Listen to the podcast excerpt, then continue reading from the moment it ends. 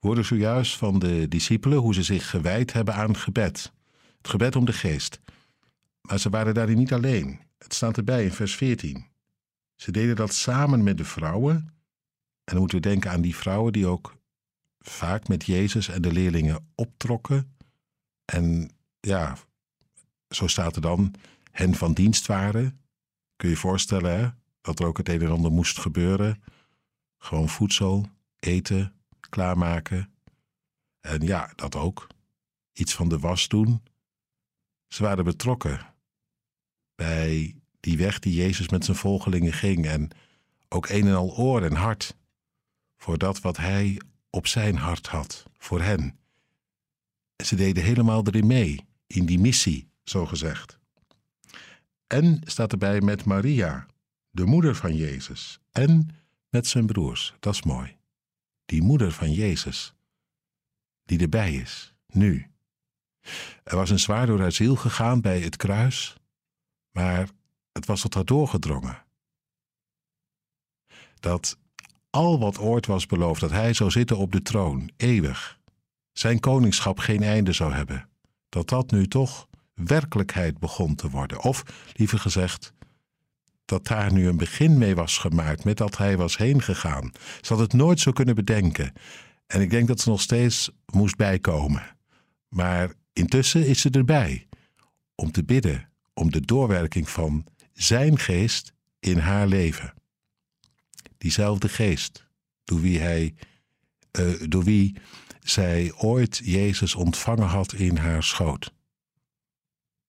Maar weet je, het meest bijzondere is misschien wel dat er staat met zijn broers. Want die broers, die hadden er eigenlijk niet veel mee met hun oudste broer. Dat kom je een paar keer tegen in het evangelie. Dat ze eigenlijk zich irriteren.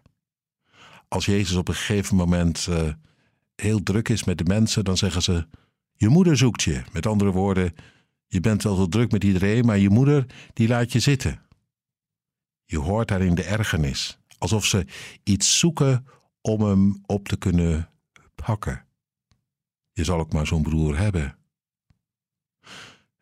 Die altijd het goede doet, altijd de liefde leeft. Altijd helemaal in verbondenheid met God zijn weg gaat. Nou, dan zoek je heel graag iets waarop je hem uh, kunt wijzen wat niet klopt, wat niet deugt. In ieder geval, je merkt dat het irritatie opriep bij hen. Bovendien, ja, later in Johannes 7, dan zeggen ze tegen hem: Ja, je doet alsof je belangrijk bent en intussen verberg je jezelf. Je wilt dat iedereen je gelooft, maar je laat je niet echt zien. Ga dan naar Jeruzalem. Met andere woorden, we kunnen jou niet volgen, we maken het niet mee. Wie ben je nou eigenlijk? Ze weten niet goed wat ze ermee aan moeten. En nu, nu zijn ze erbij. Hun namen waren al eerder genoemd in het Evangelie.